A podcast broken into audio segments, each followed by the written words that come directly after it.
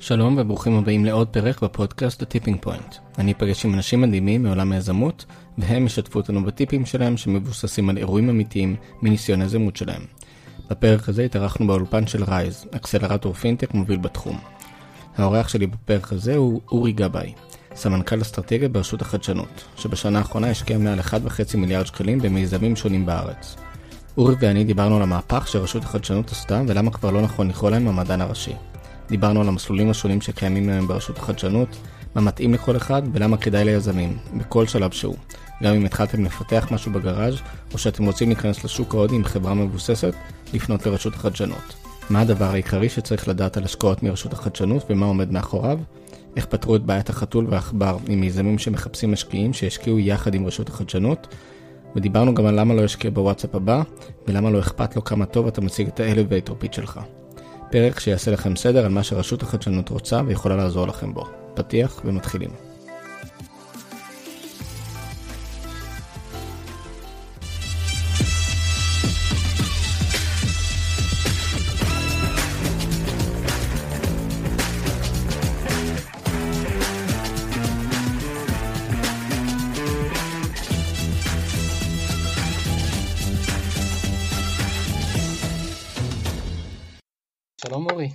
שלום, בוקר טוב. מה נשמע?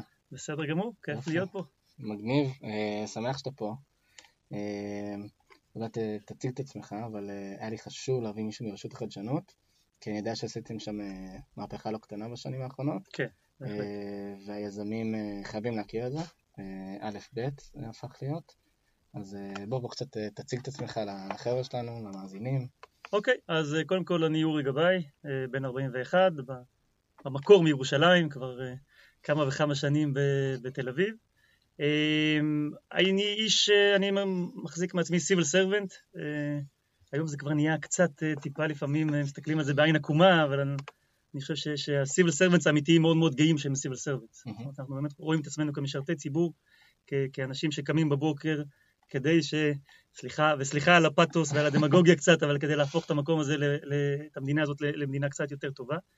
אה, וכל חיי הבוגרים הייתי סיביל סרבנט, הייתי בתפקידים כלכלי- כלכליים, בבנק ישראל, ב... אה, אה, לכלכלה באוניברסיטה העברית, אחרי זה במועצה הלאומית לכלכלה במשרד ראש הממשלה, ואחרי זה הגעתי באמת למדען הראשי, שהפך מתישהו לרשות החדשנות. אה, אז באמת כל חיי הבוגרים אני סיביל סרבנט, והיום אה, התפקיד הרשמי שלך? והיום התפקיד הרשמי שלי זה סמנכ"ל אסטרטגיה ברשות החדשנות. סמנכ"ל אסטרטגיה וכלכלה, אה, שזה בעצם, אני מוביל את החטיבה בתוך רשות החדשנות, שמסתכלת יותר בפן הכלכלי, האסטרטגי. רשות החדשנות היא גוף שיש לה מן הסתם הרבה צדדים טכנולוגיים, יש לה מערך טכנולוגי בפרט. מאוד מאוד רציני, 150, 160 בודקים מקצועיים שהם אנשי טכנולוגיה, ואנחנו מביאים את הפן הכלכלי. אה, חשוב להבין שרשות החדשנות היא בסופו של דבר גוף שהוא תחת משרד, ה, אה, משרד הכלכלה, זאת אומרת משרד הכלכלה היא, היא אומנם רשות עצמאית, אבל היא, היא תחת משרד הכלכלה, אה, גם בכובעה הקודם כמדען ראשי וגם עכשיו כרשות החדשנות. ולכן כן השיוך הזה למשרד הכלכלה הוא במובן הזה חשוב, כי בסוף אנחנו מחפשים ערך כלכלי. מהמם. בסוף אנחנו משקיעים בטכנולוגיה לא כדי שיהיה פה אה, סתם טכנולוגיות, אתה יודע, גנריות, שלא יהיה איתן שימוש, אלא בסוף באמת לעזור לתעשיית ההייטק, אה, לייצר טכנולוגיות טובות שהופכות בסוף לחברות מוצלחות, למקומות עבודה, לאימפקט כלכלי על, ה, על המשק.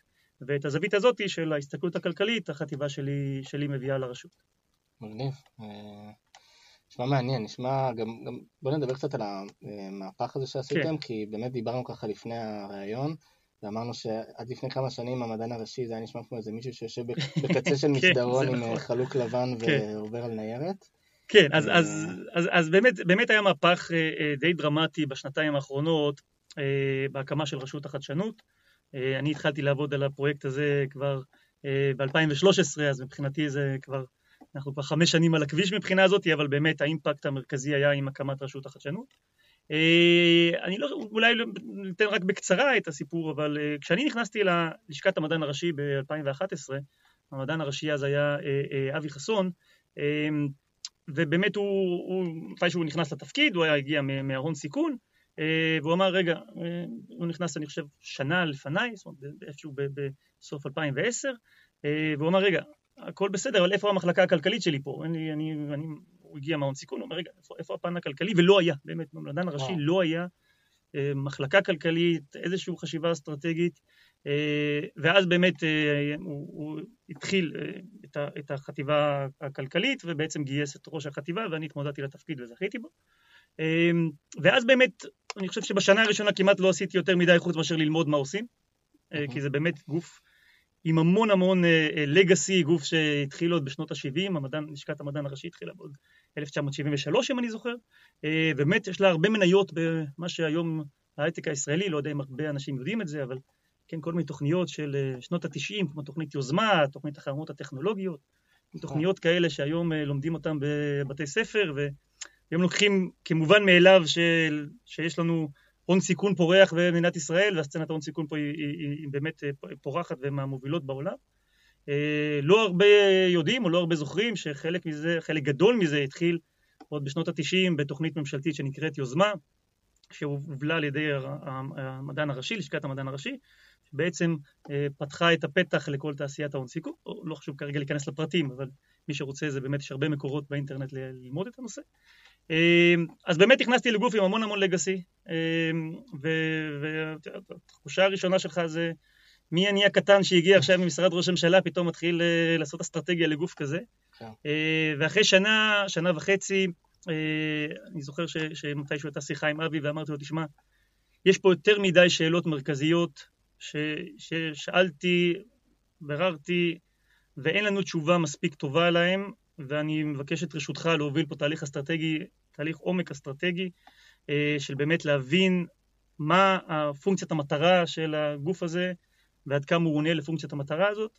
אה, נכנסנו לתהליך ארוך, לא נתאר כמובן את כולו, אה, עם, עם שני אנשים יקרים, אחד זה בחור בשם מיכה פריינד ועוד יועצת ארגונית בשם סיגל וידמן, היינו צוות יחסית קטן. אוקיי.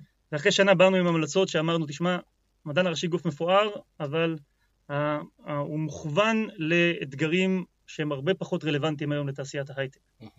אה, הוא מוכוון לשנות התשעים, אה, שבו צריך אה, באמת לתת בוסט גדול על, על המחקר והפיתוח במדינת ישראל, להגדיל את כמות המחקר והפיתוח כאיזושהי מטרה לאומית. זה היה מדיניות מצוינת בשנות התשעים ותחילת שנות האלפיים. זה הרבה פחות רלוונטי, הרבה פחות רלוונטי, ואז היה 2013, אבל בפרט ל-2018, כן. כשההייטק הוא מתקדם כבר, כשהתעשייה מתקדמת, ו... תמיכה במו"פ לשם עידוד מו"פ היא לא הדבר המרכזי שצריך לעשות עכשיו אה, במשק, צריך להיות הרבה הרבה יותר חדים בדברים שאנחנו רוצים לעשות. כל זה יתגלגל כמו כדור שלג עד הקמת רשות, רשות החדשנות, אה, אז פה אני רואה את זה לפעמים כסטארט-אפ בתוך הממשלה. אנחנו ממש כן. היינו סטארט-אפ, ממש הצוות המייסד והמשקיע במרכאות, שזה השר, שאתה צריך לשכנע אותו לעשות באמת, ללכת ל, ל, לחקיקה ולהקים גוף חדש ולהוציא אותו במידה מסוימת ממשרד הכלכלה. אה, וזה, וזה פה יש גם קרדיט למערכת הפוליטית, ש, שהרבה, יש המון המון ביקורת היום למערכת הפוליטית, אבל אני כן יכול להגיד שהשרים שהצענו לעבוד איתם, אה, בסופו של דבר, ברגע נתון, היו מאוד ענייניים. מה משרת את המשק, לא מש, מה משרת את האינטרסים הצרים של המשרד, שעדיף לו שהמדען הראשי יהיה באגף שלו בקומה 2, כן. אלא מה משרת את, ה, את תעשיית ההייטק ואת המדינה, אה, והצלחנו לשכנע אותם שזו רשות עצמאית עם יכולות אה, שהן מעבר ליכולות של הממשלה מבחינת הגמישות, מבחינת המהירות, מבחינת הנגישות לציבור, כי באמת זה ציבור מאוד מאוד ייחודי. כן. Okay? אוקיי? כן. ואני שמח שהצלחנו, וכמו כל סטארט-אפ אנחנו במידה מסוימת עדיין, ב... עברנו כבר את ה bootstrap, אנחנו עכשיו כבר מתחילים ללכת. אה, אפילו הבאנו אה, מנכ"ל, אה, הסטארט-אפ לפעמים מתחיל, ואז פתאום מביא, מביא מנכ"ל שמבין משהו, כן. אז הבאנו מנכ"ל שמבין משהו, קוראים לו אהרון אהרון, הוא היה מנכ"ל אפל ישראל, יש לו היסטוריה מפוארת בהייטק הישראלי, ובאמת אני חושב ש, שאנחנו מתחילים לרוץ, ותוך, כבר ב-2018 אני חושב שהרשות תהיה ב-70-80% מהקפסיטי שלה, ובתקווה ב-19 אנחנו כבר לחלוטין, לחלוטין שם. אה, כשהשאיפה היא שאיפה קצת מגלומנית, אבל כן, השאיפה היא לא פחות מלהיות הארגון הכי טוב בעולם לתמיכה, לתמיכה ממשלתית בחדשנות טכנולוגית.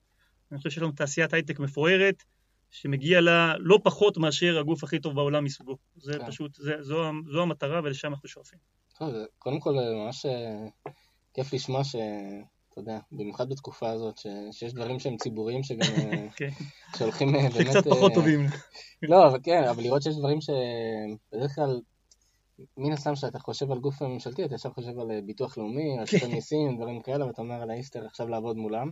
נכון. אה, אבל, אה, אבל אה, אז אתה נותן קצת תקווה נראה לי, גם לי וגם למאזינים, אה, שיש, אה, שיש מה אה, לעבוד איתכם, ובדיוק גם בגלל זה הבאתי אותך, גם כדי שנעשה סדר, אני אמרתי לך שהתחלתי ללמוד על הפרק כן. הזה, אז פשוט טבעתי באתר כן, שלכם, כן, כי יש כן. אין סוף תוכניות, ו, וגם אתם פונים, ל- נראה לי לכל השלבים, כאילו ממישהו שיש לו רעיון ועד מישהו שרוצה להיכנס לשוק הסיני. זאת אומרת, אתם יודעים אה, לעשות המון כן, אה, ב- תמיכה. באמת מהיזם ועד חברות ענק, אה, כל, כל הספקטרום. כן, אז בוא, נעש, בוא, בוא נעבור ככה לנקודות שדיברנו עליהן לפני. אז, אז באמת בוא נעשה קצת סדר, כי, כי אני יודע, כל אחד גם מכיר את זה מהחוויה האישית שלו, כשאתה פונה לביטוח לאומי, אתה אומר, וואו, יש ביטוח לאומי, אז איך אני מתמודד עם הדבר האדיר הזה, וכנ"ל רשות החדשנות, אני מניח מהצד, זה נראה פתאום, וואו, אני פתאום מתעסק עם הממשלה, איך, איך זה בכלל, איפה אני מתחיל? אז קודם כל אתה מתחיל מאתר האינטרנט, אתה יודע, זה, זה, במובן הזה אנחנו יכולים להיות קצת יותר, אה, אה, ביטוח לאומי לפעמים יש את ה... אתה יודע, את ה- את ה... טיפסיאדה הזאת. כן, הטופסיאדה לא, אבל יש גם את ה- אה, אה, איזה זוג 60 בני 80 שאין להם אינטרנט ואתה צריך ממש לראות איך, אה, איך אתה מתקשר איתם בטפסים שהם יכולים להבין ופה בכל זאת אנחנו אומרים אם, יזם אה, לא מצליח להיכנס לאתר אינטרנט שלנו אז אתה יודע יש לו, יש לו בעיות אחרות מעבר ל- כן, לסטארט-אפ אולי יחפש משהו אחר אבל כן באמת השער הראשון זה באמת אתר האינטרנט שאנחנו מקווים שהוא אה, אה, יחסית נגיש ואנחנו עובדים הרבה על להנגיש כן. אותו. כן חשוב להגיד שאחד המהפכים שעשינו בהקמת רשות החדשנות זה התפיסה הזאת שהלקוח הוא במרכז, אוקיי? זה, זה קצת מצחיק להגיד את זה כגוף אה, אה, ציבורי, אבל כן, זה, זה, כגוף ציבורי אנחנו שואפים שהלקוחות שלנו, שזה בעצם תעשיית ההייטק, או בכלל תעשייה, תעשייה בישראל, הם, הם, הם צריכים להיות כמה שיותר, אנחנו צריכים להיות כמה שיותר user friendly אליהם ולא הפוך. מהמם. הגישה לפעמים בגופים ממשלתיים, היא, במיוחד בגופים גופים ממשלתיים שמחלקים כסף. אוקיי, זה, אני מחלק כסף, שיבואו, שיתאימו יתאימו את עצמם אל, אליי, ילמדו בדיוק אה, יום לימודים ארוך אם צריך, איך אני עובד, כן. ימצאו את הטופס אה, 17 קו נטוי ב' שמתחבא בארבעה קליקים בתוך האתר, ואם לא יגיעו להם, בעיה שלהם. ורק באינטרנט אקספלורר. בדיוק, ורק באקספלורר, ורק אם יורידו את הסרגל, ורק אה, זה, ואם לא, אז כן. אתה יודע, שיקפצו לי כי אני מחלק כסף. אה, הגישה היא מאוד, בהקמת הרשות, ואני חושב שאהרון גם מקצין אותה לכיוון של אנחנו פה בשביל קהל הלקוחות ולא ההפך. אה, ואחד המהפכים הגדולים שעשינו ברשות החדשנות, זה מה שאנחנו קוראים זירות חדשנות. זירות חדשנות, בסוף יש 30-40 מסלולים, בינינו בשקט בשקט, אל תספר לאף אחד. גם אני לא מכיר את כל המסלולים, אוקיי? אני מכיר, אבל עכשיו תשים לי אקדח לרקה, תגיד לי, תפ- תפרט את כולם, ואני בכל זאת, אתה יודע, זה שמתקצב אותם, והסמנכ"ל אסטרטגיה, אני לא בטוח שאני אזכור. הם יותר מאשר 80 ועוד 90 אחוז מהם. אה, ולכן חילקנו את ה, את ה, בעצם פעילות הרשות לזירות חדשנות. מהמם. והזירות חדשנות אמורות להיות בצורה מאוד ברורה להכווין את היזם, את החברה, את ה... אה, אתה יודע, את ה כל מי שרוצה באינטראקציה איתנו, אה, לאיפה הוא צריך ללכת. ואם אתה יזם או חברת סטארט-אפ, כשאתה נכנס לאתר שלנו או כל אינטראקציה, יש זירת הזנק, אוקיי? שהיא זירה שמתעסקת בסטארט-אפים. וזו הזירה שלך, וזה מה שאתה צריך לדעת. זאת אומרת, יכול להיות שיש עוד זירות אחרות עם הרבה הרבה מסלולים, ו- ואתה אומר, אולי זה יום אחד יעניין אותי, אבל בינתיים אתה יזם, יש לך חברת סטארט-אפ, אתה רוצה תמיכה, אתה נכנס לזירת הזנק, יש שם חמישה, שישה מסלולים, של- שלושה, ארבעה מרכזיים שתכף נפרט, ועוד אולי שניים יותר אד-הוקים, וזה מה שמעניין אותך, אוקיי? אם לא מעניין אותך כרגע אה, אה, פעילות בינלאומית, אז החטיבה הבינלאומית כרגע פחות מעניינת, אוקיי? הזירה הבינלאומית פחות מעניינת, ואולי תיכנס אליה עוד שנתיים כשתחפש שיתוף פעולה עם סין, אוקיי? אז השאיפה היא מצד אחד לתת לך את כל האופציות, מצד שני, לעזור לך להתמקד בעולם שבאמת אתה מעניין אותך. עכשיו, זה לא רק זירה באתר, אתה יודע, זה גם, בסוף יש לזירת הזנק מנהלת זירה, קוראים- לה אניה אלדן, היא אישה עם הרבה הרבה זכויות בהייטק הישראלי, ובאמת אה, מישהי שהיא dedicated day in ו-day out לעזור לסטארט-אפים, ויש לה צוות, והצוות הזה הוא מופקד על לעזור לסטארט-אפים. מהמם. ולכן בעולמות האלה, אם אתה אה, לא מחפש שת"פ עם האקדמיה, אז זירת תשתיות טכנולוגיות כרגע פחות מעניינת אותך, מהמם. אוקיי? ולכן אני מקווה שזה יהפוך את החיים להרבה הרבה יותר קלים, אוקיי? אה, ובאמת בזירת הזנק בסופו של דבר יש ארבעה חמישה מסלולים שדי אנחנו עושים הרבה הרבה מאמצים גם ב wizard באתר שאומר רגע אם אני מחפש אה, כן. סוג של חממה או אקסלרטור אם כן אז פותח לי אה, אה, סט אחד של מסלולים, אם לא סט אחר, אבל ממש wizard שעוזר לך למצוא את התוכנית הרלוונטית. אה, ואנחנו עושים את כל המאמצים שבסוף היזם יתלבט, היזם או, החבר, או חברת הסטארט-אפ יתלבטו בין שני מסלולים, שההבדל ביניהם הוא, אני מקווה שהוא יחסית ברור. ודרך אגב, אנחנו כל הזמן מעודדים פידבק מהיזמים, ובאמת, אם זה לא מספיק ברור, יש יש לנו את אה, אה, אה, מקום להתקשר, מקום לשלוח מייל, להרים טלפון, אנחנו מקווים שהכל הוא, הוא יחסית נגיש ועובדים על זה שיהיה נגיש, ולהגיד, תראו חבר'ה, האתר שלכם קצת מבלבל, בואו תשפרו אותו, אנחנו מאוד מאוד פתוחים לפידבק הזה. שנדבר קצת על באמת המסלולים שיש בזירת הזנק. בגדול, כן, כדי שאנשים...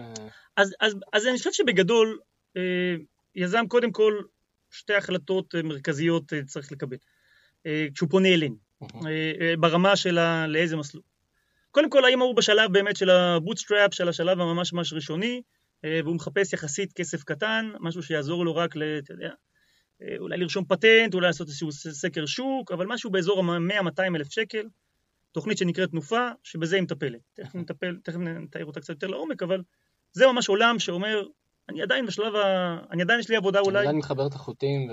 אני מחבר את החוטים, אולי אפילו יש לי עדיין עבודה שאני לא עוזב אותה, אני רק רוצה לנסות לראות האם היא בכלל מתאים לי יזמות. כן. תוכנית שמותאמת באמת ליזמים בתחילת הדרך, הרעיון הוא באמת לקחת אותם ולראות האם יזמות זה בשבילם, אוקיי? לפני שהם הקימו עדיין חברה, לפני שהם קוראים לעצמם סטארט-אפ. אז, אז זה, יחסית, זה יחסית השלב הראשון. אם אתה בעולם מצד שני שאתה כבר, אתה יודע, אתה כבר לא אה, חבר'ה אלא חברה, אוקיי? באמת שלושה ארבעה אנשים שכבר הקימו חברה, שמחפשים השקעה כבר יותר רצינית, אז נפתחות באמת שתי אופציות מרכזיות. האם אתה רוצה אה, אח גדול, אח גדול במובן הטוב של המילה, אוקיי? אח גדול במובן של חממה או מה, מה שאנחנו קוראים מעבדה לחדשנות, mm-hmm.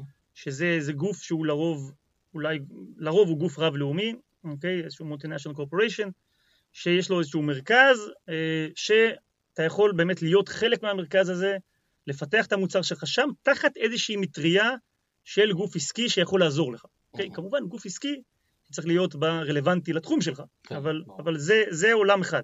ובאמת שתי תוכניות דגל, שזה תוכנית החממות הטכנולוגיות, ותוכנית מעבדות לחדשנות, שהיא תוכנית חדשה. אה, אם זה, אתה אומר, תודה רבה, אני מסתדר לבד, החלטה כמובן לגיטימית, יש אה, אה, אה, סט של תוכניות, המרכזית שבהן נקראת תוכנית חברות מתחילות, שבו זה פשוט תמיכה ישירה, אתה מגיש בקשה לתמיכה ישירה של אה, רשות החדשנות, בו אתה מבקש עד חמישה מיליון שקל בשנה, ויכול לקבל עד חמישים אחוז מה... סליחה, לא עד חמישים אחוז, בדיוק חמישים אחוז מהבקשה שאושרה. כמובן, יכולים לאשר, יכולים לדחות, אבל זה, זה העולם. אה, ו- ולכן אני חושב שהיזם, אם הוא עבר את השלב של ה bootstrap הראשוני, של בוא נתקשקש קצת עם האם אני יזם בכלל, הצומת הראשון זה האם אני צריך אקסלרטור חממה, אקסלרטור חממה, מעבדה לחדשנות, אח גדול, ויש הרבה הרבה יתרונות לאח גדול, יש הרבה יתרונות לאח גדול, אני יודע שיזמים הרבה מקרים אומרים, רגע, מה, אני אלך, אז אני צריך לתת להם equity. ו... כן, עוד מעט נדבר באמת על בדיוק, IP ו equity, נכון. נכון, אבל... לפעמים זה מרתיע, אומר, רגע, מה, הם רוצים, יש להם, רוצים אינטרסים. לא, לא בטוח, אוקיי, לפעמים אני אגיד את זה אפילו זה, בהרבה הרבה מקרים, כדאי לך שהם יהיו שותפים שלך, שותפים עסקיים ממש, אוקיי? אה, ואני קצת שמעתי את הפודקאסטים הקודמים שלך, אז, אז באמת הרבה פעם, הרבה מדברים על, על כסף חכם, כן. לא על... מישהו שזרק עליך שני מיליון שקל ועכשיו אתה, יודע, אתה במדבר ולא כל כך יודע מה לעשות. כן. מישהו שזרק עליך שני מיליון שקל וזרק במרכאות, וגם מחזיק לך את היד ובאמת לוקח אותך כמה צעדים קדימה, אה, ובאמת הרבה פעמים זה עוזר. אם אתה מצד שני, אתה יודע, יזם שכבר בסריה השלישית או הרביעית עשה כבר שלושה אקזיטים, אתה אומר, הם למדו אותי, אני אלמד אותם. בסדר, לגיטימי, כמובן לגיטימי, כל הכבוד, אנחנו אוהבים יזמים אה, אה, סדרתיים. אז אתה אומר, אני רוצה בסופו של דבר אה, אה, כסף, אני כבר החוכמה, אני מביא מהבית, אני רוצה אה, תמיכה ממשלתית, אני מגיש בקשה לתמיכה ממשלתית, ואז אתה מגיש באמת למסלולים היותר מבוססים, שהם פשוט, יודע, תמיכה ישירה, ממש תמיכה במיזם שלנו ישירות, בלי איזשהו קודקוד שלישי למשולש, שהוא איזושהי חממה או, או מעבדה כן. לחדשנות. אה, טוב, נשמע באמת שאתם נכנסים לכל, גם, גם דיברנו על זה קצת, אבל אתם יודעים לעזור לחברות שעברו את, את המיילג' הזה, זאת אומרת, חברות שעכשיו, כמו שאמרנו, רוצות להיכנס לשוק מסוים, שוק סיני, שוק הודי, דברים כאלה. אני חושב שזה פחות מתאים, כאילו, בתפיסה למיזמים, כי מיזמים נכון. בדרך כלל רוצים רק לעמוד על שתי רגליים.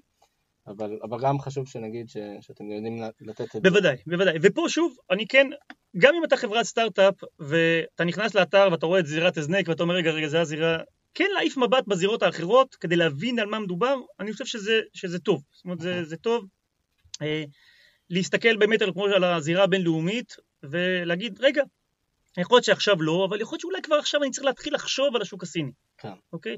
כי אולי בדיזיין של המוצר אני כבר צריך להתחיל לפזול לשוק, לשוק הסיני, ואז אולי כדאי להתחיל לדבר אולי מישהו החטיבה הבינלאומית, אולי יש איזה משהו כן. שמתאים לי, כזה, כזה בגישוש. ב-95% מהמקרים, או 98% מהמקרים, הכתובת תהיה זירת הזנק ומסלולי הזנק, אבל כדאי גם לראות, אולי יש לי משהו בחטיבה הבינלאומית, אולי יש לי משהו בזירת תשתיות טכנולוגיות שאולי מחברת אותי מהאקדמיה, אולי יש לי רעיון טוב, אבל חסר לי איזשהו מקטע אה, אה, של טכנולוגיה בסיסית, שאולי יש איזה חוקר באקדמיה היום mm. שיודע לעשות משהו, ואם אני אפנה אליהם אני אראה אולי יש איזשהו חיבור שם. אמ, ו- ו- ופה באמת כדאי להקדיש קצת סבלנות ל- ללמוד את רשות החדשנות. אנחנו עושים את כל המאמץ שמצד אחד יהיה הרבה הרבה אופציות ומסלולים שמתאימים לכל שלב ולכל זווית בהתפתחות של, אה, של סטארט-אפ, של חברה, אה, ומצד שני לארוז את זה בחבילה שלא אתה תתמודד עם 40 מסלולים ותגיד אני הולך לאיבוד. כן. אוקיי? אז באמת קצת להיכנס לזירות, להבין את ההיגיון שלהם, להקדיש את השעה לקרוא את זה, ולפעמים, שוב, אני חוזר על זה שיש לנו לפעמים ציפייה מהממשלה שהכל, או שאנחנו חושבים שהכל מסובך, או שאנחנו דורשים שהכל יהיה פשוט מדי. כן. ולרוב האמת היא באמצע. אה, כשאתה הולך למשקיע, אתה בדרך כלל עושה שיעורי בית, אוקיי? למשקיע פרטי, אתה עושה שיעורי בית. ומי זה המשקיע הזה, ובאיזה סוגים, באיזה דברים הוא משקיע, איזה חברות הוא השקיע בעבר. כשתלך לממשלה, לא מבקש שתבין את כל ה... תלמד את כל אלף חברות שהשקענו בהן שנה שעברה, אבל כן תבין קצת את הסביבה, מה אנחנו עושים, מה אנחנו מחפשים, אה, כדי שיהיה תיאום ציפיות, כדי שתפנה, תפנה א' למקום הנכון, ב' שסוג הפנייה שלך תהיה הפנייה הרלוונטית, כן. אוקיי? ו- ואני חושב שזה דבר ש- שכן כדאי ל- ליזמים ולסטארט-אפים להקדיש קצת הזמן, להבין מה זה רשות החדשנות, בסוף זה בשבילכם, אוקיי? כן. אנחנו בסוף לא גוף פרטי, אין לנו שום אינטרס לעשות אה, כסף פה, אנחנו לא גוף פיננסי, אנחנו גוף בוא נגיד, פיננסית אנחנו גוף קטסטרופלי, כי אנחנו משקיעים מיליארד וחצי שקל בשנה ומקבלים חזרה בתמלוגים חצי מיליארד. זאת אומרת, אני מפסיד, מפסיד במרכאות כמובן, כל שנה מיליארד שקל, מבחינה פיננסית גרידא, כמובן שזה לא הפסד אלא רווח אדיר למשק הישראלי, בזה כן. שאנחנו משקיעים בסטארט-אפים. אז אנחנו פה בשביל, פה בשבילכם, כן כדאי שתקדישו את השעה, שעתיים, להבין מי אנחנו ומה אנחנו מחפשים. זהו, אז, אז בואו באמת אה, נעבור לנקודה הבאה שהיא אה, גם ניגע קצת בנושאים האלה של IP ו-Equity, כי אה, אני זוכר אפילו, אני מהתואר השני שעשיתי, אמרו לנו שיש אה, בעיית IP כשעובדים מול אז המדען הראשי ודברים כן. כאלה, צריך להבין איפה ה-IP נשאר. וגם מה שהתחלת להגיד לי לפני הפרק, שא' כל יזם צריך להסתכל עליכם כגוף, כמשקיע, גם העבודה מול הבודק, שעוד מעט תרחיב על כן. זה, אה, וגם הנושא הזה של אתגר טכנולוגי, שמאוד חשוב לכם אה, נכון. בתור משקיע. אז, אז בואו נדבר קצת על הנושא על ip וזה, וזה, אתה יודע, נושא לפעמים שומע, בעיית IP. אז קודם כל בואו נתאר את תנאי ההשקעה שלנו. קודם כל חשוב להבין, אנחנו non-dilutive funding, אוקיי? אנחנו בסוף לא לוקחים לך equity בחברה, אה, בסוף כל התמיכה שלנו היא תמיכה ש, שהיא שותפות בסיכון, אבל אני לא לוקח שום חלק מהשום equity בחברה, ולכן במובן הזה הממשלה אה, אה, שותפה בסיכון, אבל אין לה שום stake בחברה, אנחנו לא, ודאי לא יושבים בדירקטוריון אחרי זה, שום דבר אה, מהסוג הזה. זה, זה, זה פן אחד. הפן השני, ה-IP חייב להיות של החברה. אוקיי? זאת אומרת, אנחנו לא בסוף מממן קבלן משנה שעושה עבור חברה אחרת, וה-IP נמצא בחברה הגלובלית, או באיזושהי... אני, אני תומך בסוף במו"פ, ואני רוצה שהחברה שאני תומך בה, המו"פ יהיה שלה, אוקיי? IP יהיה שלה. אה, זה נקודה חשוב. הבעיה שאני מניח שאתה מדבר עליה, שכן, אנחנו בסוף משקיעים את כספי משלם המיסים הישראלי. והשאיפה שלנו, אוקיי, והמנדט שלנו, והחקיקה וגם אני חושב שגם רוב המאזינים הסכימו איתי שזה גם מאוד מאוד הגיוני. אנחנו רוצים לראות חברות צומחות בישראל, אוקיי?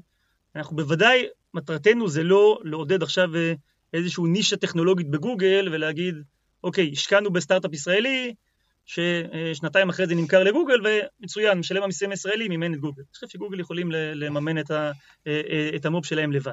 כן. ופה באמת מגיעה מגיע הסוגיה.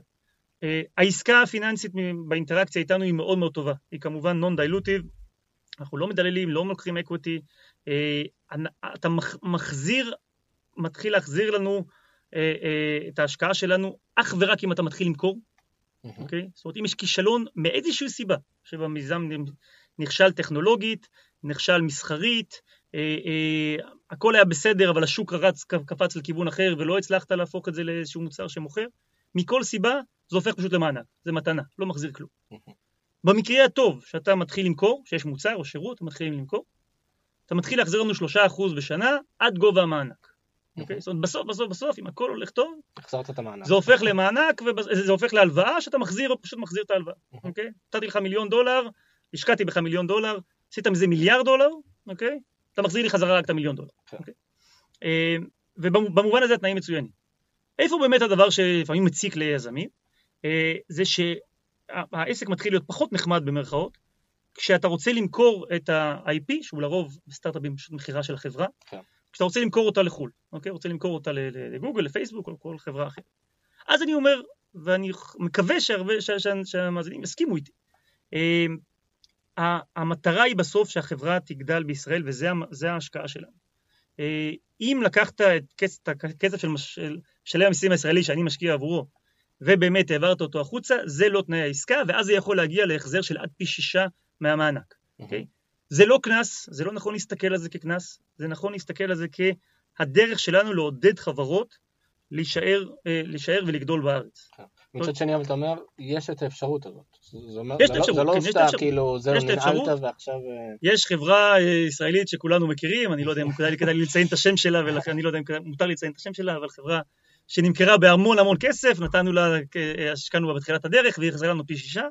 היא לא הייתה שמחה מזה, אבל אה, העסקה הייתה כל כך, עסקה כל כך גדולה, שלא היה זה, ואני מניח שחלק מהמאזינים יכולים לנחש על מה אני מדבר, אבל, אה, אבל הם שילמו את הפי שישה. אה, מצד שני, אם השקעתי בחברה מיליון דולר, ועכשיו שמים לה צ'ק על השולחן, גוגל או פייסבוק, שמים לה צ'ק של 20 מיליון דולר, והיא צריכה פתאום להחזיר פי שישה, אז, אז פתאום העסקה נראית פחות טובה, ואז האופציה של, רגע, בוא נחכה עם זה, ואם יציעו 200 מיליון דולר אז אולי בסדר, אבל בשלב הזה, בואו ננסה להצליח, ל, ל, ל, לגדול בישראל ואולי להפוך לוויקס הבא ולא ל, כן. אה, לחברה שפשוט נמכרה לגוגל. וזה השאיפה שלנו, לגדל עוד וויקסים, עוד אאוטבריינים, אה, טאבולה, חברות כאלה שצומחות בישראל, מעסיקות מאות אנשים, לא רק מהנדסים, אוקיי? חברות שאנחנו מחפשים גם חברות שמעסיקות לא רק, או שיש להם את הפוטנציאל לגדול לחברה שמעסיקה לא רק מהנדסים, אלא גם אנשי תמיכה טכנית, אה, גם, אתה יודע, מעצבים, sales, marketing, כל החבילה הזאת, זה בסוף כממשלה, לשם אנחנו, לשם אנחנו מכוונים. אה, וזו העסקה, העסקה היא, אני חושב שהיא בסך הכל עסקה טובה, אבל כן, אם סטארט-אפ אומר מהרגע הראשון, כל מטרתי בחיים זה להימכר לפייסבוק ואני מייצר משהו שהוא ממש איזשהו, משהו שמתאים לנישה בפייסבוק וזה כל הביזנס פלן, מצוין, אחלה, שיהיה בהצלחה, הכל בסדר, מאחלים לך בהצלחה, אל תבוא, ל... אל תבוא לקחת את כספי משלם המיסים הישראלי בשביל לממן את, את פייסבוק. כן. אוקיי? זה, זה בעצם החבילה, אה, ובאמת יש שם את הנישה הזאת שחשוב להבין אותה, חשוב להבין את המניעים אה, אה, מאחוריה, חשוב להבין שזה לא קנס או משהו כזה על התנהגות רעה, אלא אנחנו רוצים לעודד מה שטוב למשק הישראלי. הלכת לכיוון אחר, אז או שבאמת תשלם את זה ותעזור לממן עכשיו סטארט-אפים אחרים, אה, או שמלכתחילה תגיד, אולי לא מתאים לי. ודרך אגב, זה גם כן, חשוב להגיד, לגיטימי לחלוטין, ואנחנו לא דוחפים חברות לבוא אלינו בכוח אם חברה לא מתאים לה אה, אה, לקבל כסף ברשות החדשנות או להגיש בקשה לרשות החדשנות, לחלוטין לגיטימי, אנחנו לא נילחם על זה, אנחנו רוצים לעזור למי שבאמת צריך את הממשלה כעזרה. אם אתה מסוגל לגייס כסף בשוק הפרטי, בדרך אנג'לים, דרך VC, אה, אני חושב שאם התהליך הזה הוא יחסית קל, אין באמת סיבה אמיתית לבוא לממשלה, אוקיי? אין סיבה אמיתית לבוא לממשלה, אנחנו לא משקיע שמחפשים את ההשקעות הגדולות הבאות במובן הזה של רגע, יש פה חברה שתהיה הבוננזה הבאה, אני חייב כרשות חדשנות להיות חלק ממנה. לא, ממש לא. אם השוק הפרטי עובד בסדר והמשקיע משקיעים בך בלי בעיה, אל תבוא לממשלה, זה, יש בזה, ככל שנהיה, כמה, ש, כמה שנרצה, נשאף להיות יותר user friendly, יש שם אדמיניסטרציה, יש שם בירוקרטיה, יש שם התקשקשות עם, עם ממשלה, שאם אתה לא חייב אותה, אם אתה לא צריך אותה, כדאי להסתמך על הסקטור הפרטי ועל משקיעים פרטיים, וזה, וזה יותר טוב. בהרבה מקרים, כן, בשלב הראשון, גם אם תבוא לקרן הון סיכון, הם יגידו לך, הכל נחמד, אבל אתה צריך אה, שני מיליון דולר, אני מוכן להשקיע רק מיליון, בוא נלך ביחד לרשות החדשנות, וזה אנחנו רואים הרבה הרבה הרבה, הרבה מקרים כאלה כן. כל שנה.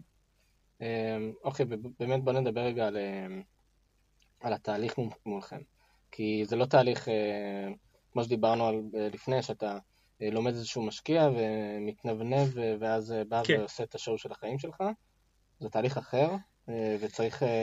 זה, זה תהליך מאוד, זה תהליך, זה תהליך שונה, אז, אז קודם כל חשוב להבין שהאינטראקציה המרכזית שלך, שלך כיזם או, כ, או כחברת סטארט-אפ, תהיה בסופו של דבר מול המערך הטכנולוגי שלנו, מול הבודק הטכנולוגי. כן, שזה מישהו שמכיר את התחום, בא מהתחום שאתה כן, מתעסק בו. בדיוק. הוא, הוא לא עובד שלנו דרך אגב, הוא, אנחנו, we outsource them, יש לנו מערך של 150, אבל הוא, במובן הזה הוא הנציג שלנו. Mm-hmm.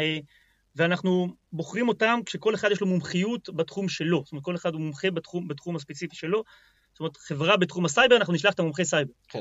אוקיי? שהוא לרוב, אה, או ברוב המוחלט של המקרים, יש לו ניסיון בתעשייה, אה, בתחומים כמו אה, פארמה ומדיקל דיווייסס, גם לרוב ניסיון באקדמיה, אבל הם מומחים בתחום, הם מגיעים לחברה, הם שואלים שאלות קשות, בהרבה מקרים אנחנו גם שומעים אחרי זה מהחברה או מהסטארט-אפ, שהשאלות ששאלו עזרו להם פתאום להתפקס, עזרו mm. להם פתאום להבין איפה האתגר, כי באמת זה בן אדם ש... א', יש לו הרבה יותר ניסיון לרוב מה, מהחברה או מהסטארט-אפ, אה, וב', הוא גם ראה כנראה בחמש, עשר שנים האחרונות אה, מאות חברות, ויכול ככה לשאול שאלות וכבר לראות, לכוון קצת החברה לאיפה הם עומדים ליפול. אה, המטרת, הוא לא יועץ, זאת אומרת, המטרה שלו לא לייעץ לחברה. הוא בודק. הוא בודק, הוא בסוף, וכן חשוב להבין, בסוף אל מה שאנחנו קוראים ועדת המחקר, שזה ועדת ההשקעות, הוועדה שבוחנת האם להשקיע במיזם כן או לא. מי שמופיע שם זה הבודק המקצועי, כן. אוקיי? הוא זה שבעצם מייצג את החברה במרכאות, הוא זה שמציג את הקייס שלה, היזם או הסטארט-אפ לא יהיה שם, הוא לא, לא יהיה בחדר. זה, זה okay. אוקיי? כן, זה חשוב לשים על זה דגש, כי נראה לי שרוב היזמים כן. לא מבינים את זה. בדיוק. מגיע לך בודק. מגיע בודק, שואל שאלות קשות, מבלה איתך כמה וכמה שעות, לפעמים אה, יום-יומיים, מבין את הטכנולוגיה, מכיר, מבין את הצוות, מכיר קצת מה, מה היכולות של הצוות, אה, אה, יורד לעומק באמת למודל העסקי, שואל את כל השאלות הקשות, בתקווה מקבל תשובות טובות, ואז הוא זה שמציג לוועדה את, ה, את הקייס של התיק, ואז יש דיון בוועדה, אבל הסטארט-אפ לא שם. זאת אומרת, אם אמרת, אתה אומר, אה, שטויות, הבודק הזה, אני אמרח אותו, ואחרי זה אני אתן את הפיץ', כן. ואני אתן את הפיץ', אתה לא תיתן את הפיץ', אוקיי? גם, גם, יש הרבה שואלים למה, אז כן, אנחנו מתעסקים בסדר גודל של אלפיים בקשות בשנה. יכולת של אפילו אפילו, אפילו האדמיניסטרטיבית להביא אלפיים יזמים לתת את הפיץ' פשוט לא קיים, כן. אה, ובמובן הזה כן חשוב שהבודק שואל שאלה הוא יקבל תשובה מדויקת, אה, לא לנסות to, to downplay things ולא אה, לסבך דברים, אלא באמת לתת את התמונה האמיתית, להציף את האתגרים. זאת אומרת, אוקיי? ברגע אבל ש... ש... הרי אומרים שיש את ה-elevator pitch ויש את כן. אומנות כן. ההצגה ואיך אתה עושה את זה, זה. אתם כאילו לקחתם את כל הדבר הזה וניטרלתם אותו לחלוטין, הפכתם את זה למשהו שהוא, אפשר להגיד שהוא כאילו טכני קצת, וכאילו הוצאתם את העוקץ, ואנשים צריכים להבין ש... ש... שעומד פה גוף שפחות מעניין את השואו, מה שנקרא, נכון, יותר מעניין נכון. אותו האתגר הטכנולוגי שעוד מעט תדבר עליו, ו- ו- ובסוף הבודק הזה בא ועושה, נותן לך מעין דעת, ד- חוות דעת אה, ניטרלית כזאת בדיוק. על, על המיזם. ב- בדיוק, אה, ונגעת אני חושב בנקודה חשובה, שאנחנו מחפשים בסוף את האתגר הטכנולוגי, אוקיי? אנחנו רשות החדשנות, אבל השם הרשמי זה הרשות הלאומית לחדשנות טכנולוגית. אוקיי? אנחנו מחפשים טכנולוגיות טובות, טכנולוגיות אה, שלפעמים יהיו פורצות דרך ויכולים באמת לפרוץ לשוק חדש. אנחנו לרוב חברה שהיא, קודם כל כולם יכולים להגיש, גם חברה שהטכנולוגיה שלה יחסית בסיסית, אבל אז כן כדאי לדעת שה, שהסיכויים שלך הם יחסית אה, אה, נמוכים, כי בסוף אתה תתחרה עם הרבה חברות שהן, אה, חלקם הגדול יהיה חברות טכנולוגיה עם אתגרים טכנולוגיים רציניים, אה, ולרוב אנחנו ניטה, ניטה יותר לכיוונים האלה. אתם לא מחפשים להשקיע בוואטסאפ הבא?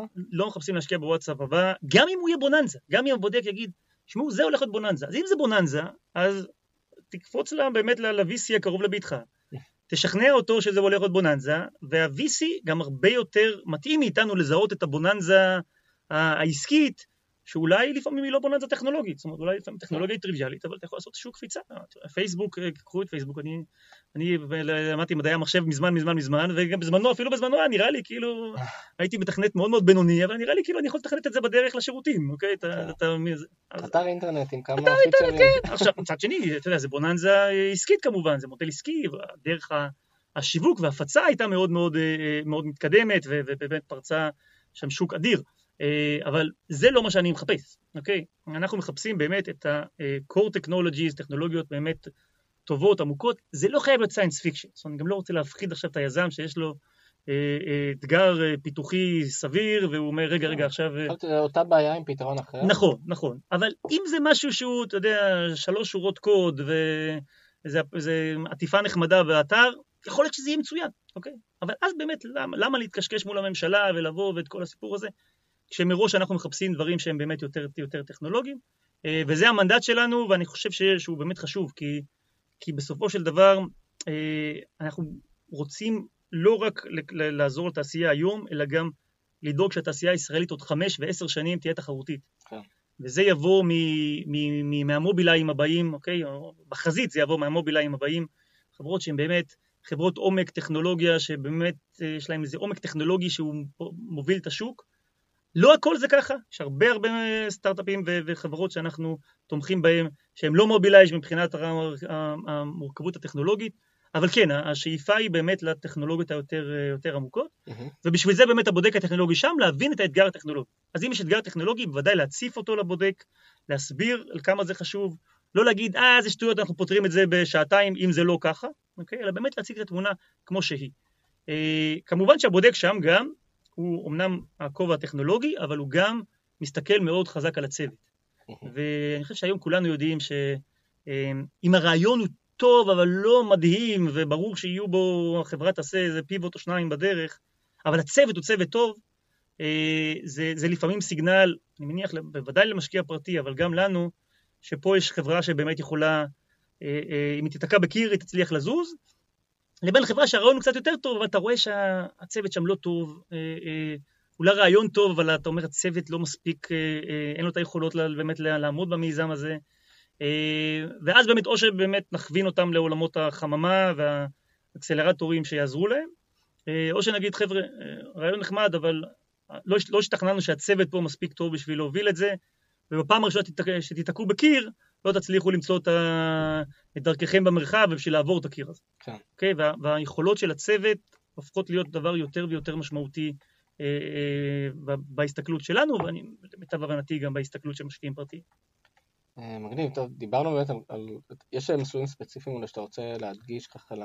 כן, אז, אז באמת בואו ניכנס קצת לעומק. אז דיברנו על תנופה, מסלול תנופה, אה, מסלול באמת של 100 אלף שקל בשנה הראשונה, ואם עוברים את ה... וזה, ובאמת אומרים יזמות זה בשבילי, אז 100 אלף שקל בשנה השנייה, זה באמת לשלב השלב הראשוני. כמו שאמרת, אתה יכול להמשיך לעבוד בעבודה אתה שלך? יכול להמשיך אתה לעבוד, אה, אנחנו גם לא, לא נממן לך משכורת, זאת אומרת, כן, ברור. המאה אלף שקל האלה זה ליצור איזה prototype, לרשום פטנט, לעשות איזשהו סקר שוק, אבל באמת בהרבה מקרים אנחנו רואים יזמים שפונים, שנה ראשונה מקבלים 100 אלף שקל, אוקיי, אגב, זה אחוז ההשתתפות שלנו 90 אחוז, זאת אומרת, היזם צריך להביא את 10 אחוז הנותרים, מהמם.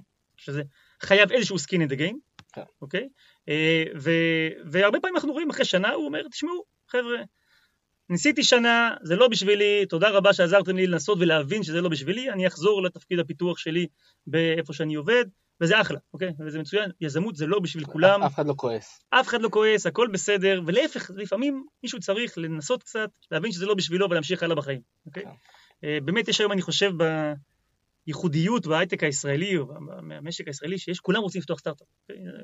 אפילו אני, בתוך הממשלה זה מצחיק, אתה, זה, כל אחד בתוך הממשלה, יאללה בוא, מה אנחנו עושים פה, בוא נפתח סטארט-אפ. היה לי פה, אה, אחד הפרקים הראשונים, אה, ראיינתי פה משקיע, נמרוד כהן, והוא אמר שהוא לא מבין את הסצנה הישראלית, כאילו בחו"ל תגיד למישהו ש... תבוא למשפחה שלך, תגיד, אני עובד במייקרוסופט, אבל אני עוזב כן. לפתוח אה, מיזם, יגידו, השתגעת? צריך תעבוד בעבודה וזה, תעבוד. בממשלה או תעבוד בחברה. ופה אתה בא ואתה אומר, אני עוזב את מייקרוסופט ופותח מיזם. כולם אה, מריעים לך, ו... עזוב מייקרוסופט, ממשלה, אתה יודע, ממשלה מלאה באנשים שאומרים, כן. "מה, בוא נפתח סטארט-אפ. תמיד אני צוחק, אני אומר, עם כל הכבוד, חבורה, שלושה עורכי דין יושבים ואומרים, בוא נפתח את הפייסבוק הבא, איך בדיוק תעשו את זה, אבל כן, כל אחד מרגיש שאתה כן. יודע, אם הוא לא שם ועכשיו בסצנה, אז אתה לא קיים. כן. אה, אז זה בדיוק המסלול לאנשים כאלה, רוצים. להכניס את הרגל למים, לבדוק אם זה. מתאים להם. ומצד שני, יש כאלה שזה מתאים להם, אומרים, אוקיי, בוא נקפוץ למים. אוקיי, עברת את שלב התנופה. עכשיו, אם אתה באמת יזם פעם ראשונה, מאוד מאוד ממליץ, אוקיי, להיכנס או לחממה טכנולוגית, אוקיי, אה, שתכף נסביר מה זה, או לתוכנית חדשה שנקראת מעבדה לחדשנות. אוקיי? מה שמשותף לשתי התוכניות האלה זה באמת שהיזם, שהוא כבר צריך להיות סטארט-אפ, כבר צריך להיות בדרך להיות חברה רשומה, אם באמת, אם כשרואים חברה, אה, נכנס לאיזושהי מעטפת שנותנת לו מצד אחד לפתח את המוצר, ומצד שני נותנת לו את המעטפת האדמיניסטרטיבית, המשפטית, אה, ה networking, עוזרת לו ב networking, עוזרת לו אולי להביא איש צוות שחסר, אבל נותן את המעטפת לגדול בתוך החממה הטכנולוגית, שכן חשוב להגיד מה זה חממה טכנולוגית. חממה טכנולוגית זה גוף פרטי, for profit, הם שם בשביל לעשות כסף, אבל בהרבה מקרים לעשות כסף במובן האסטרטגי, לא במובן הפיננסי נקודתי. אה, זה גופים, אה, אה, הרבה, הרבה, הרבה מקרים גופים רב-לאומיים, חברות רב-לאומיות, אה, שפתחו פה חממה בשותפות איתנו, ואני חושב שזה מודל מאוד מעניין, כי פה הממשלה, אנחנו כמשקיע, אה, כשאנחנו, באמת יש מיזם שמגיע לחממה, ואם הוא מאושר על ידי החממה והוא מאושר על ידינו, אנחנו משקיעים 85% מה, אה, מעלות המו"פ, וואו. והחממה משקיעה את ה-15% הנוספים. מהמם. אה, עכשיו אתה אומר, החממה עשתה עסקה מצוינת, כי החממה משקיעה רק 15%, ובמשא ומתן עם החברה היא יכולה לקבל עד 50% מהאקוויטי. כן. אה, מצד שני, מה שהיא כן עושה, זה היא מגדלת, עוזרת לגדל את הסטארט-אפ הזה, לתת לו. חממה כזאת שהוא יוכל לגדול שם, זה לתקופה של שנתיים, ולפעמים יש גם שנה שלישית. יוכל, הסטארט-אפ יכול לגדול בחממה, להתמקד במה, ב- בלפתח את המוצר, בלפתח את החברה, לא להתעסק כרגע עם כל הקשקושיאדה של אה, אה, שכר דירה והקשקושיאדה של, אה, של היועץ המשפטי ורואה חשבון, זה הכל נמצא במעטפת, והוא מתרכז באמת בלבנות חברה, אוקיי? והנקודה הזאת שהחממה לוקחת לו חלק מה equity, אז כמובן אנחנו מקווים שזה לא מצב של עושק, שבאמת אה, לוקחים לו, וזה אנחנו מגבילים את זה ל-50%, אבל שבאמת במשא ומתן ניקח equity, אבל אז הם הופכים לשותפים, אוקיי? ולפעמים השותפות הזאת היא שותפות קריטית. ואני בטוח שגם בפודקאסט שלך, שלך ואני חושב שאפילו שמעתי אחד מהפרקים שאומרים שכן, משקיע חכם, משקיע שבאמת הוא, הוא יכול לקחת אותך קדימה, זה מה שאתה מחפש בהרבה מקרים, אוקיי? אה, זה, זה המסגרת של, של חממה, מסגרת שקיימת כבר די הרבה שנים, אבל תוכנית שהלכה והתפתחה, היא פרוסה בכל הארץ, כי השאיפה שלנו, למרות שרוב האקשן בעולמות הסטארט-אפ קורה במרכז, ובואו לא, לא, לא, לא נעצום את העיניים מפני התופעה הזאת, זו תופעה שקורית. אה, אנחנו רוצים לאפשר גם ליזם בקריית שמונה, שיהיה לו בטווח אה, של נסיעה של, אה, של רבע שעה עשרים דקות, חממה שהוא יוכל לפתח בו את הסטארט-אפ שלה, ולא כולם חייבים לעבור למרכז רק כדי להיות יזמים. ולכן זה פרוסות, פרוסה בכל הארץ, 20 חממות פרוסות בכל הארץ, ובאמת ליז... לסטארט-אפ שהוא בניסיון הראשון או השני שלו, מאוד ממליץ ללכת למסגרת הזאת, כי הם באמת יכולים לעזור כן. להיות, לקחת ר- רעיון טוב וחבר'ה נחמדים לבאמת חברה מובילה. מעבדה לחדשנות זה, זה רעיון קצת דומה, אה, שהוא בעצם אומר, אה, הוא מבוסס על, על קונספט של חדשנות פתוחה, שאניה אלדן, ראש זירת הזנק, באמת היא זאת שפרצה את הדרך מבחינת, מבחינתנו שם, של להגיד, אוקיי, יש לפעמים חברות גדולות, אה, כמובן חברות עסקיות גדולות, שחסר, שאומרות, אני רוצה לשתף פעולה עם הסטארט-אפים, לא כהשקעה פיננסית, כי באמת אני רוצה להיות שות, שותפה בחדשנות שתעזור לי כ, כ, כחברה, באמת ל, להוציא מוצר יותר טוב כן. עם הסטארט-אפים. אני בעצם מכניסה את הטכנולוגיה, לא סוגרת את הטכנולוגיה בתוך הבית, אלא בהפך חדשנות פתוחה, פותחת את האתגרים שלי לתעשייה ואומרת בואו, תעשיית ההייטק ובפרט הסטארט-אפים, בואו תתחברו אליי, אני שם את הפלטפורמה שלי, אוקיי? בהרבה מקרים זה נורא נורא חשוב. אה, אז במעבדות לחדשנות באמת יש חברות כמו, אה, כמו רנו ניסן שפותחות אה, מעבדה לחדשנות ושמות את, ה, את השלדה ואת הממשקים של הרכב, ואם אתה מפתח דברים לתעשיית הרכב, אז אתה יכול לפתח את זה בגראז' שלך ולדמיין איזשהו רכב שזה מתממשק אליו, או אתה יכול להגיע למעבדה לחדשנות ובאמת להתממשק, לדבר עם המומחים של החברה, להבין מה הם צריכים, הם יגידו לך לפעמים, נחמד מאוד, רעיון טוב, לא יעבוד, אתה לא מבין איך הממשק הזה עובד. גם לכוון אותך, אבל גם באמת, מה שהמעבדה לחדשנות מביאה, זה באמת את התשתית של החברה הרב-לאומית, שמים את התשתית באיזשהו מקום פיזי, שאתה יכול להגיע לשם, וכחברת סטארט-אפ, להתממשק לזה, לנסות על זה דברים, ובאמת לקחת את זה מאיזשהו רעיון נחמד שאתה עושה באיזה בית קפה ברוטשילד, למשהו שבאמת אתה בודק אם הוא יכול לעבוד בתנאים, בתנאים אמיתיים, עם המומחים של החברה, של, של החברה הגדולה, שהיא באמת מביאה את הפלטפורמה.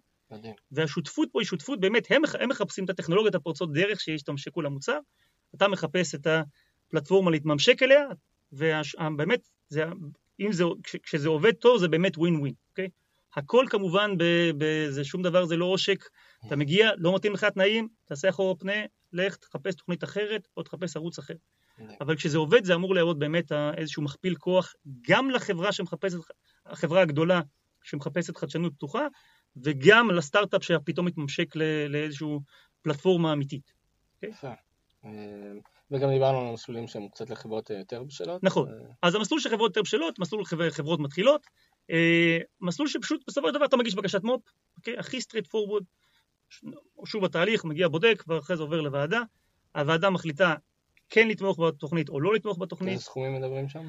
עד חמישה מיליון שקל בשנה, אוקיי? אוקיי. ובאמת זה גם כן חשוב, למעט מסלול תנופה, אוקיי? שהוא באמת ל-100-200 אלף שקל, כדאי להבין קצת את הסדרי גודל. תוכנית חברות מתחילות, לבוא ולבקש 50 אלף שקל, אז פשוט, א', טעית בתוכנית, היית צריך לגשת לתנופה, אבל גם 50 אלף שקל לפעמים, כל ההתקשקשות עם ממשלה לא כך שווה את זה, אתה יודע, כל הזה, טופסיאדה וכל זה, אז כן, אם יש לך פרויקט של 2-3 מיליון שקל, אה, שהוא באמת פרויקט רציני, כן, חברות מתחילות זה מסלול מאוד מאוד טוב, אה, הוא מבטיח לך 50% מעלות אה, המו"פ, אתה כמובן צריך להביא את ה-50% האחרים, אוקיי? אתה חייב להביא משקיע פרטי, או מהכסף שלך, אוקיי? או בהרבה מקרים כמובן זה יהיה משקיע, משקיע פרטי. אנחנו תמיד תמיד תמיד נרצה איזשהו משקיע פרטי, אוקיי? או, או גורם פרטי שיהיה מוכן לשים כסף שלו בחברה ובאמת לקחת להיות skin in the game, לקחת חלק מהסיכון. אה, זה לא רק בגלל שאנחנו מתקמצנים על הכסף במרכאות, זה גם כי אנחנו רוצים איזשהו איתות שמישהו בכסף פרטי שלו, אוקיי, או כסף פרטי של, של, שלו כמשקיע או, או, או, או כיזם עצמו אפילו, לקח את הסיכון הזה ואמר אני רואה בזה פוטנציאל עסקי. אוקיי? כן. אם אף אחד לא רוצה לשים על זה כסף, ורק הממשלה רוצה לשים כסף, זה מעלה לנו דגלים מאוד מאוד מאוד uh, ברורים, שוואלה, אולי הדבר הזה לא כל כך טוב כמו שזה נראה, אוקיי? וזה אכן חשוב. הממשלה זה צד אחד, אתה חייב תמיד להביא את הצד השני, אוקיי? ופה בתוכנית כזאת באמת של חמישה מיליון שקל, אז אם אתה, נשארנו לך שניים וחצי מיליון שקל, אתה צריך להביא את השניים וחצי מיליון שקל לאחרים. אה, זאת אומרת, מבחינת אבל אה, באמת נגעת פה עכשיו בנקודה, מבחינת ביצה ותרנגולת, זאת אומרת, אתה, יכול להיות שאני אקבל אישור ממכם, בדיוק, שאתם נותנים לי חמישה מיליון בתנאי, ואז אני יכול לבוא נכון. עם, עם ה-so called אה, מסמך הזה למשקיע אחר ולהגיד, תראה, יש לי פה... נכון, נכון. עכשיו בחברות מתחילות, בדיוק מה שתיארת, זה בדיוק אחד מהפיצ'רים. בחמיש... ב... ב... ב... כשאני נותן 50 אחוז, אני בעצם נותן לך איזשהו אישור שאתה יכול, יש לך טווח של חצי שנה ללכת mm. ולגייס משקיע, כשהמשקיע פתאום אומר, רגע, אני לא צריך לשים חמישה מיליון שקל, אני צריך לשים רק שניים וחצי מיליון שקל, כי רשות החדשנות כבר הסכימה לשים שניים וחצי מיליון שקל. ואז באמת האינטראקציה עם המשקיע היא הרבה יותר טובה. גם, זה לא רק הכסף, זה גם המשקיע, בהרבה מקרים אנחנו שומעים שהמשקיע אומר, אה רגע, רשות החדשנות שלחה בודק מקצועי, עבר את כל התהליך, תהליך מאוד תחרותי, בסופו של דבר החליטו להשקיע, זה סיגנל מבחינתי שהחברה הזאת טובה. אתם לגמרי מאותתים אחד לשני, נכון, שנראה לכם שיש פוטנציאל נכון, חד, חד, חד משמעית, חד משמעית. אם אחרי חצי שנה לא הצלחת לגייס את הכסף, אז כמובן העסקה אה, מתבטלת ובאמת צריך לנסות לחשב מסלול מחדש, לחפש אולי איזשהו כיוון אחר, אבל אז באמת מבחינתנו זה סיגנל ש, שיש, פה, שיש פה בעיה, ואנחנו כמובן, התנאי הוא שתצליח להביא את המשקיע הפרטי. כן. אה, טוב, בואו ניגע ממש רק בקצרה על העזרה שלכם בשווקים אחרים. כן. אה, כי זה ממש ככה, זה אמנם לא אולי בשיא הפוקוס, אבל, אבל זה כן איזשהו משהו ש, שחשוב שאנשים ידעו את זה. מצוין. אז, אז באמת, אה, ברגע שחברה קצת עומדת על הרגליים ומתחילה להסתכל, כל חברה, אני חושב, כמעט מהרגע הראשון, אבל בוודאי שכבר ברור שיש חברה ויש מוצר, אתה רוצה להתחיל למכור אותו, ו- ולרוב המכירה לא תהיה במשק הישראלי, כי הוא משק, משק קטן, ותמיד, כמעט תמיד, אוקיי, הש- השווקים יהיו שווקים ב- ב- ב- בחו"ל, אם זה השוק האמריקאי או של צפון אמריקה או דרום אמריקה, אירופה או, או המזרח. אה, פה אנחנו עוזרים בעצם לבנות את הקשרים האלה עם המדינות האחרות דרך החטיבה הבינלאומית שלנו, כשחשוב להבין שהכניסה לשווקים כאלה, כן, בוודאי אם אני מדבר על השוק הסיני או השוק ההודי, שהוא שוק פחות... אה, זה כניסות קשות, זה כניסות קשות, זה תרבות אחרת. בדיוק, אתה יודע, זה ניו יורק, אתה נוסע ויש לך שבעה חברים וחמישה עשר... זה גם תרבות מערבית, היא די דומה. תרבות מערבית, אתה יודע לדבר אנגלית, אתה מכיר את השפה, אתה מכיר, גם היית בניו יורק עשר פעמים כבר, האינטראקציה היא יותר קלה. כן. אה, גם שם, דרך אגב, יש לנו תוכניות, אבל הן יותר מסוג אה, ספציפי, אבל במיוחד בעולמות הסין, הודו, קוריאה, סינגפור, העולמות האלה שהעולמות תרבות אחרת, שפה אחרת, אתה נוחת, אתה אף פעם לא היית שם, אתה לא יודע לאיפה ללכת. אה, שם אנחנו בונים תוכניות שמבוססות על שותפות של חברה ישראלית, אוקיי? עם החברה הסינית, הודית, סינגפורית, או איפה שאתה רוצה להגיע, ובעצם אומרים, אנחנו נבנה G2G, government to government, פלטפורמה, mm-hmm. שעליה אפשר לבנות איזשהו אה, אה, פלטפורמה B2B, business to business, של חברה ישראלית שתשתף פעולה עם חברה סינית, בהינתן שאנחנו רוצים שוק הסיני, ואז פתאום אתה לא מגיע לסין ונוחת ואתה לא יודע מה לעשות, אלא כבר בשלב הפיתוח היה לך איזשהו שיתוף פעולה עם הפרטנר הסיני. כשאתה מגיע לסין יש לך שותף, אוקיי? השותף הזה הוא כבר אה, חלק, היה חלק מפיתוח המוצר, לרוב הוא עוזר לך בספציפיקציות שמתאימות לשוק הסיני, כי אם יש לך טכנולוגיית טיהור מים, אז זה נחמד מאוד שזה עובד ב- ב- במים מהמוביל הארצי בישראל, אבל יכול להיות שבסין הסוג החיידקים הם אחרים, ואתה צריך להתאים את הטכנולוגיה לשם. אה, והשותף הסיני יעזור לך בספציפיקציות, יעזור לך בפיתוח של, שמתאים לשוק הסיני, וכמובן יעזור לך בחדירה לשוק הסיני, אוקיי? וזה אנחנו מאוד מאוד מטיפים לחברה, אה, תעבדי דרכנו אה, ותמצאי את השותף, אנחנו נעזור לך גם ב scouting, אוקיי? נעזור לחברה הסינית ב scouting לחברות ישראליות שהיא רוצה לשתף פעולה, והפוך. והשאיפה היא בסוף שתמצאי שותף, הפרויקט המו"פ עכשיו, כל צד, אם הפרויקט מו"פ מאושר, כל צד, רשות החדשנות בצד הישראלי, תממן 50 אה, אחוז, עד 50 אחוז מהעלויות פיתוח בצד הישראלי, הסינים יעשו אותו דבר בצד שלהם, ואם הפרויקט מאושר בשני הצדדים, אז יש חברה ישראלית, חברה סינית, עם פרויקט משותף. יש חתונה. יש חתונה, ש... שאתה יודע שההורים כל... ההורים מכל צד שמו 50% מהכסף של החתונה, כן. אז חתונה היא, היא, היא רווחית, אה, וכן, ואז יש בתקווה חתונה, השאיפה שלנו כמובן שהחברה תישאר ישראלית, אבל תמכור בשווקים האלה. Okay. אוקיי. אה, זה, זה בעצם השאיפה. אבל כן, זה מסוג הדברים שכדאי לסטארט-אפ לחשוב, גם אם זה אתה אומר, אה, אני עדיין בשלב הפיתוח מוצר. יכול להיות שכדאי לך יכול להיות שכדאי לך, ולהגיד, רגע, אם השוק שלי הוא השוק הסיני, אז אולי הם צריכים דברים קצת אחרים. אוקיי, וזה לא רק התפריט ואתה יודע, החוברת בסינית, כן. אלא באמת, אולי באמת הם צריכים דברים קצת אחרים, אולי כדאי לי כבר להסתכל ולראות אם יש איזה שאני יכול לשתף פעולה עם חברה סינית.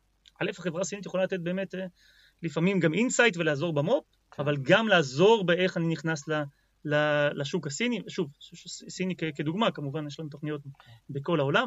הרבה פעילות בשנים האחרונות גם בדרום אמריקה. אוקיי? דרום אמריקה זה שוק שאנחנו רגילים אמריקה לחשוב רק אה, צפון אמריקה, אה, רק, רק ארה"ב וקנדה.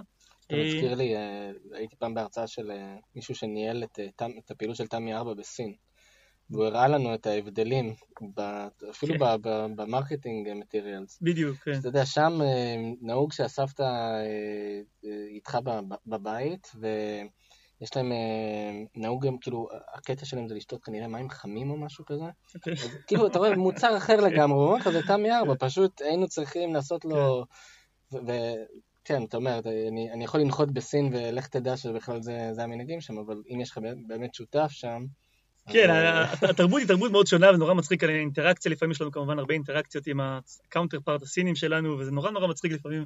אתה גומר פגישה, אתה חושב שהיה א', והם חשבו שהיה כן. ב', כי, כי בתרבות הסינית בחלק מהדברים מכירים, הם יעשו לך כן עם הראש, למרות שהם מתכוונים לא, ואתה, אבל, אבל אמרתם כן, איך זה יכול להיות שהתשובה הייתה לא בסוף? ובסוף אתה מגלה שאתה צריך ללכת איתו לקריוקי. בדיוק, ובסוף אתה זה, ואם לא, לא שתית איתו, אם לא השתכרת איתו, אז אין מה לדבר בכלל, אז הרבה הרבה דברים שמבחינתנו, גם כתהליך למידה, וחברה חייבת להבין חלק מהקוד כן. הזה, והרבה יותר טוב שיש לך אה, אה, שותף בצד, בצד השני, ובאמת, לא הכל זה השוק האמריקאי והשוק האירופאי, יש גם בדרום אמריקה שוק ענק, ענק, אוקיי, שבאמת צמא לטכנולוגיות ישראליות. ובוודאי השוק הסיני, השוק ההודי, כל העולמות האלה, זה חברה, אני חושב, לפחות חי... בשלב הראשון חייבת להתחיל לחשוב על זה. כן. אוקיי?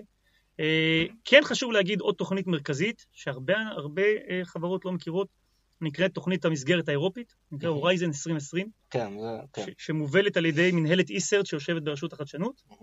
וזו תוכנית קטנה יחסית של 77 מיליארד יורו בשבע אה. שנים, אוקיי? משהו זניח, כיס. כסף כיס קטן שבאמת אה, זה. שם המון המון מסלולים בהמון תחומים, אוקיי?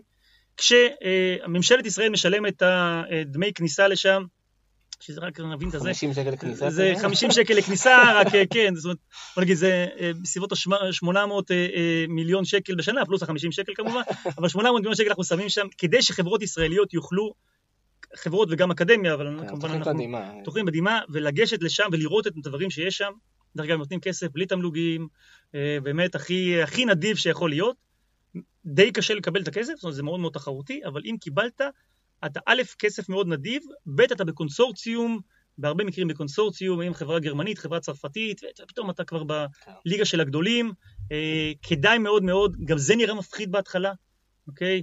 התוכנית האירופית, וואו, זה המון זה, אני לא יודע לת- לת- להתחיל.